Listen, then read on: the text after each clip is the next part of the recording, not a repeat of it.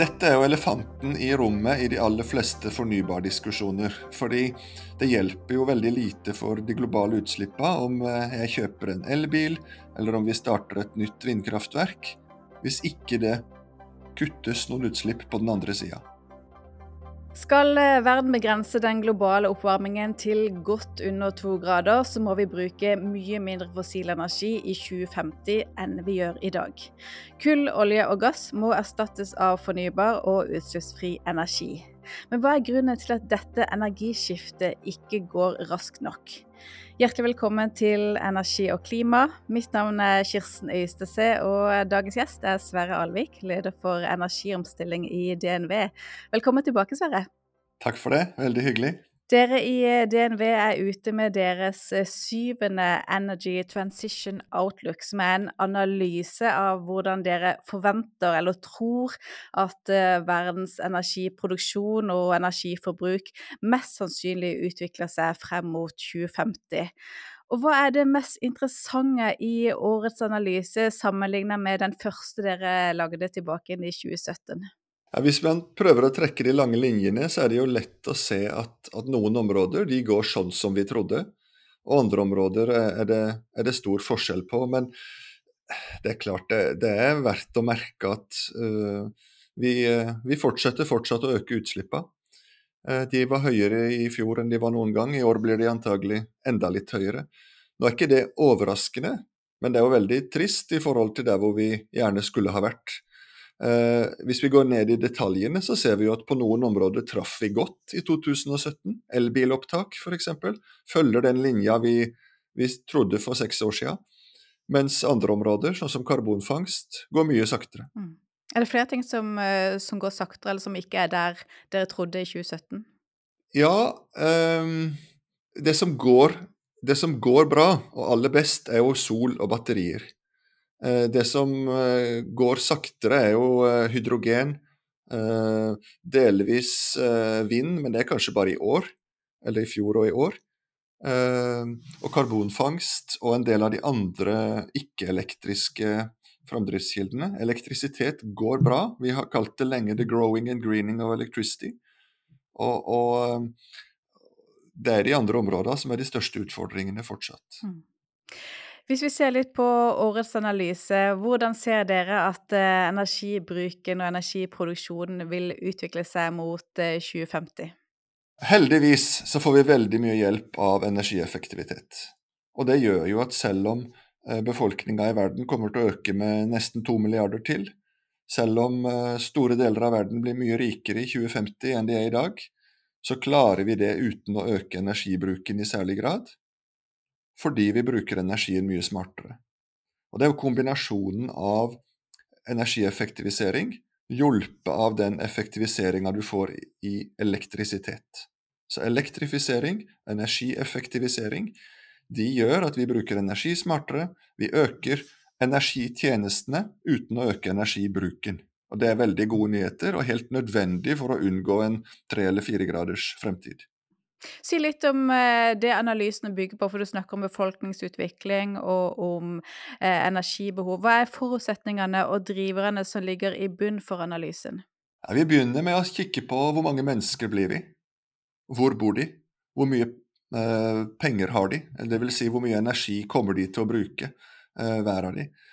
Eh, og så ser vi jo da på hva slags energi de kommer til å bruke, og, og konkurransesituasjonen mellom dagens type energi, altså gjerne fossil, da, olje, gass og kull, og den nye energien som kommer, eh, mest sol og vind. Eh, og så ser vi jo, ser vi jo også på konkurransesituasjonen mellom den eksisterende energikildene, olje, gass og kull, og de nye energikildene, sol og vind. Og hvor fort klarer sol og vind å erstatte olje, gass og kull. Og i disse forutsetningene som, som dere bygger det på, hva er, hva er, på en måte sikre forutsetninger, og hva er de mest usikre momentene som, som er forutsetningene i, i, analysen? Det er jo ingen fasit om fremtida. Så hva som er helt sikkert, er jo uh, lite. Men, men, det er klart, usikkerheten ligger ikke på befolkningsutvikling, f.eks. Om den er 2 eller 5% høyere eller lavere. det har lite å si. Eh, de to, tre store driverne, økonomi, teknologi og politikk, så er det politikken som er den store usikkerhetsfaktoren. Ja, På hvilken måte? Både teknologien og økonomien den vil være der, og den vil hjelpe oss i dette skiftet.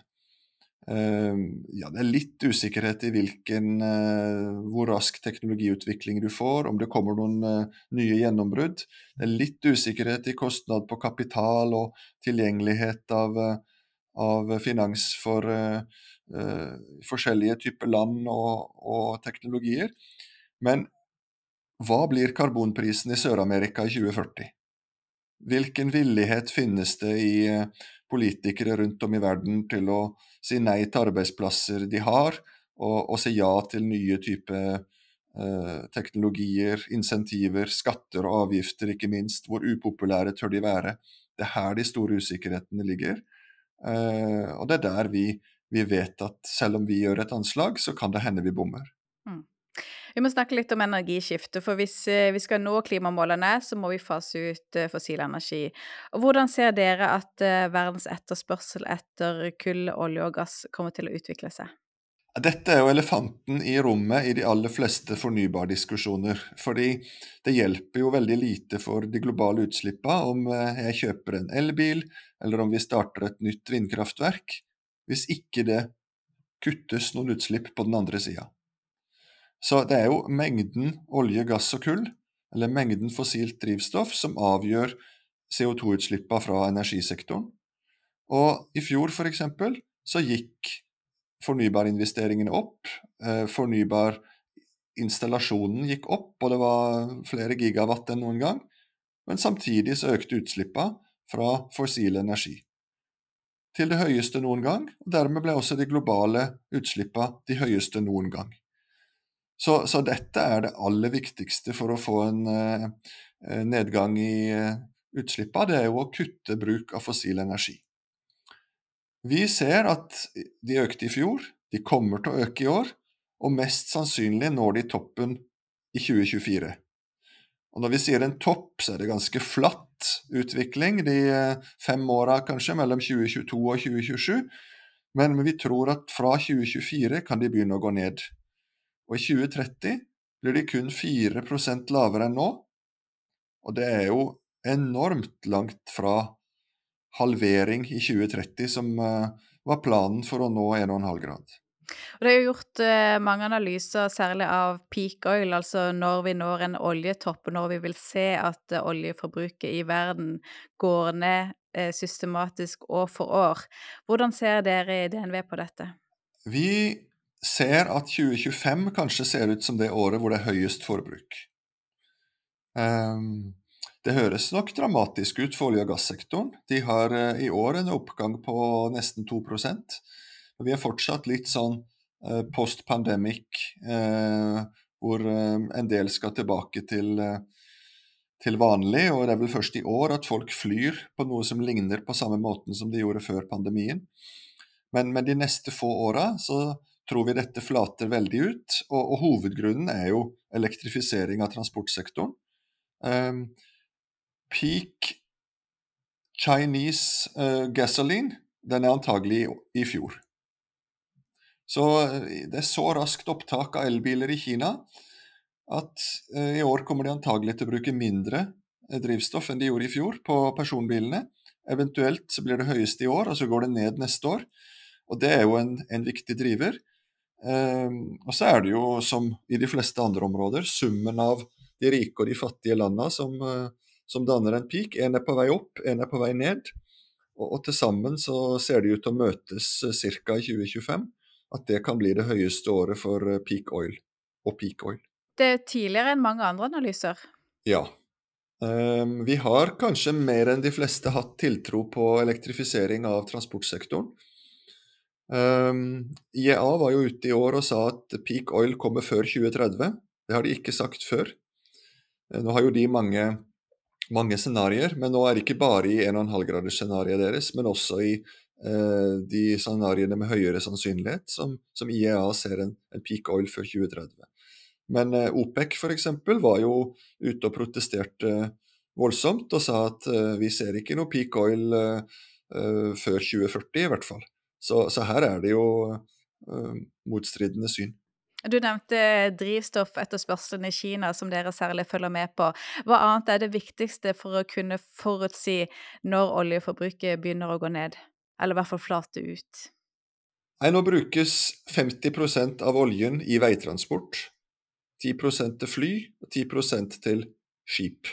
Så 70% av verdens olje brukes i, i, transport. Så det er klart det er den sektoren som, som er den viktigste å følge med her. Og Kina, India, eh, Nord-Amerika er jo de største brukerne. Eh, og, og, det er der utslagene kommer. Eh, så, så, om vi nå får et opptak i, i Nord-Amerika på elbiler som begynner å ligne på det vi har i, i, Kina og Europa, det er en veldig viktig faktor. Og så er det litt tidlig, men, men vi ser jo at eh, det er flere segmenter som begynner med elektrisitet, som vi kanskje ikke trodde det for noen år siden. Ok, hva da? mellomtunge kjøretøy. Ehm, for få år siden tenkte vi at dette kommer til å bli hydrogen. Ehm, middels store lastebiler, middels lange distanser. Nå, nå ser vi at utviklinga innenfor eh, elektrisk framdrift går mye raskere enn hydrogen. Kan godt hende det blir hydrogen fortsatt på de tyngste og, og lengste av eh, kjøretøya, men på de middels eh, så ser vi at her går det bra med elektrisk. Og så er det spennende med fly.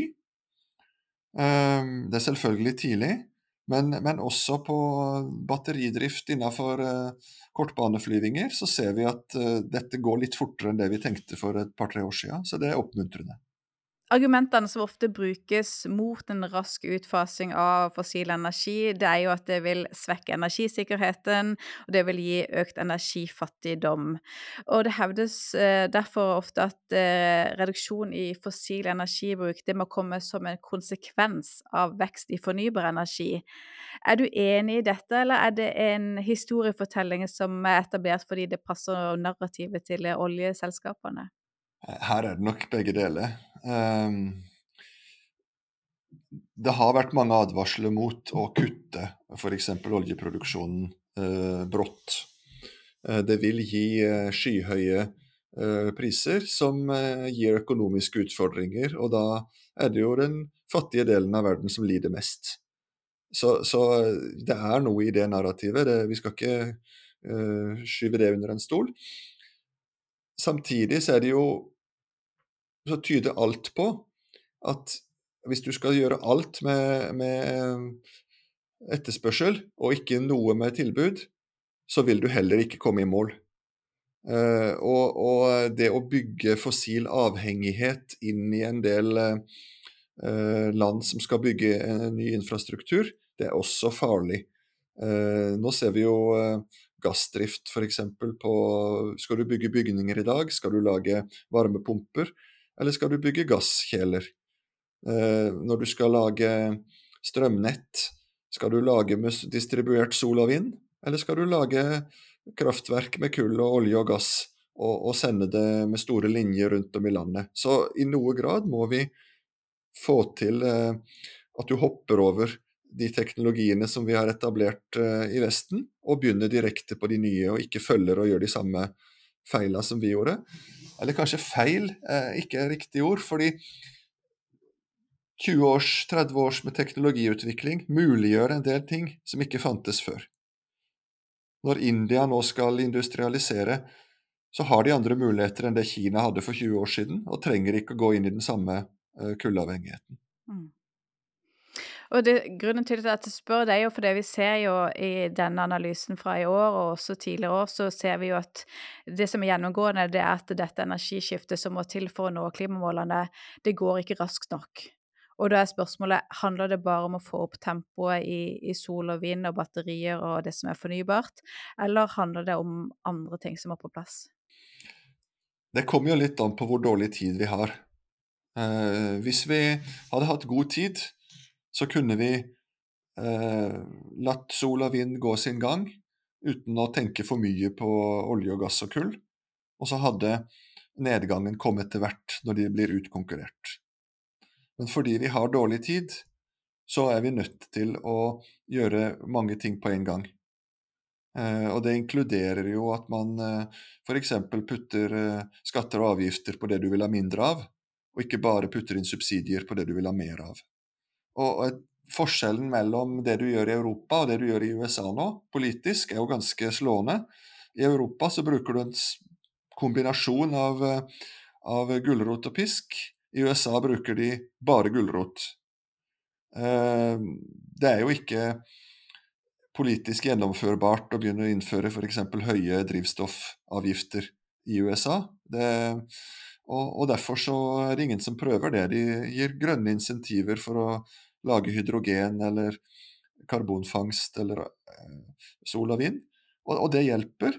Men selv om IRA er et stort skritt framover for, for USA, så, så, ligger de fortsatt bak Europa når det gjelder eh, hastigheten på, på avkarbonisering. Og det er nok hovedgrunnen. At i Europa så tør de å bruke også pisk, og ikke bare gulrot. Mm. IEA publiserte jo nylig en oppdatert versjon av sin netto null til 2050-rapport. Og det er jo også noe dere ser på. Så eh, ta utgangspunkt i målet, og så regne seg bakover istedenfor å si noe om hva man tror skjer. Og hvis vi ser på den forskjellen mellom hvor vi bør være i forhold til netto null i 2050, og hvor dere tror vi er i 2050, gitt den utviklingen som vi ser nå, hva er den største forskjellen? Ja, Vi kunne jo henge oss på Energikommisjonen som sa 'mer av alt raskere', eh, som jo var et norsk eh, fokus, men det gjelder jo eh, globalt òg. Men vi har vel sagt at eh, elektrisitet, det går ganske bra. Så, så, også i den mest sannsynlige utviklinga så får vi en, en rask elektrifisering med mye sol og vind. Vi vil få litt mer av det i en togradersverden, men, men den største forskjellen ligger på de områdene som ikke kan elektrifiseres. Eh, hvordan du kan få eh, raskere bruk av hydrogen og biodrivstoff inn i langtransport, eh, shipping, fly, tungindustri. Hvordan du kan fange de resterende utslippene med karbonfangst, eh, karbonfjerning, og også hva du kan putte inn av eh, skogplanting istedenfor eh, skogfjerning, eller reforestation istedenfor deforestation. Så, så, selv om elektrisitet i begge scenarioene er det viktigste, så, så er forskjellen ikke på elektrifiseringa, men på alle de andre sektorene. Og hvis vi ser på tiltakene og det som skal til, så er det politikken. På hvilken måte? Nei, Økonomi og, og teknologi de vil levere, mens politikken må strammes til. Eh, du må gjøre upopulære grep, eh, f.eks. å ha mandater på, på Du skal ha karbonfangst, du skal stoppe å selge fossildrevne biler, du skal stoppe å lete etter ny olje og gass. Eh, så påbud, forbud, som politikere kvier seg for å gjennomføre, men som må til for å få en 1,5-gradersverden. Mm. Og Hvis vi ser på analysene for den fossile energibruken, altså kull, olje og gass, hvordan ser det ut i et eh, 2050 netto null-scenario sammenlignet med hvor dere tror vi lander hen i 2050? I, i den mest sannsynlige fremskrivinga vi har, så er det omtrent 50-50-fordeling eh, mellom fossil og ikke-fossil energi. Da går vi altså fra en 80-20-fordeling i dag til en 50-50-fordeling i 2050. I en 1,5 graders fremtritt må vi gå fra 80-20 til 2080. Uh, eh, og da, da, må du også gå fra Istedenfor å endre oss med 1 prosentpoeng per år, så må vi endre oss med 2 prosentpoeng per år. Så nedgangen i fossil energi må ikke gå, falle med 1 prosentpoeng i året, men i 2 prosentpoeng i året. Så kan vi jo ideelt sett tenke at vi burde jo være ned på null, men vi mener det er urealistisk, komplett urealistisk, at alle fly, alle lastebiler og osv., all tungindustri, er avkarbonisert i 2050. Og da må vi fange noe karbon, altså med karbonfangstanlegg, og vi må fjerne noe karbon for å uh, klare å gå til netto null. Det er jo ikke brutto null vi snakker om, men, men netto null. Så fossilbruken vår faller med 36% i det mest sannsynlige scenarioet, og med det dobbelte av det, altså rundt tre fjerdedeler, i netto null-scenarioet. Hvis du skal være litt tydelig, du har jo vært inne på det, men være litt tydelig på hva er, hva er det viktigste som endrer seg for å tette det gapet mellom hvor vi er på vei hen, og hvor vi burde være på vei? Det viktigste som endrer seg, er en eh, strammere energipolitikk. Vi har sett eksempler på det nå i eh, eh både Europa og USA det siste året, og det hjelper. Men på de fattigere landene i verden så, så er dette urealistisk. Så, så, der er det ikke bare politikk, men de må også ha hjelp. De må ha hjelp av de rike landene til å modne teknologi, og de må ha investeringer fra de rike landene til å ta ned risikoen, sånn at du kan få fornybar energi og, og eh, karbonfangst og eh, elektrisk infrastruktur og alt det andre på plass også i de landene. Så finansiering jo, eh, var jo et av de store tinga i, i COP-møtet i fjor, og det kommer til å bli enda viktigere i COP som kommer opp nå om halvannen måned i Dubai. Mm. Og til slutt, for Norge som energinasjon, hva betyr denne fremtidsscenarioet som dere nå skisserer for, for, for, oss? Nei, Mest sannsynlig så trenger vi jo olje og gass også i åra som kommer. Og, og, det er jo det som norsk olje- og gassindustri lener seg på. Og det må de få lov til. Vi må bare ikke lure oss selv og tro at det er en del av 1,5-gradersfremtida, for det er det ikke. I en 1,5-graders fremtid trenger vi ikke noe ny gass og ny olje. Heller ikke noe norsk ny gass og olje.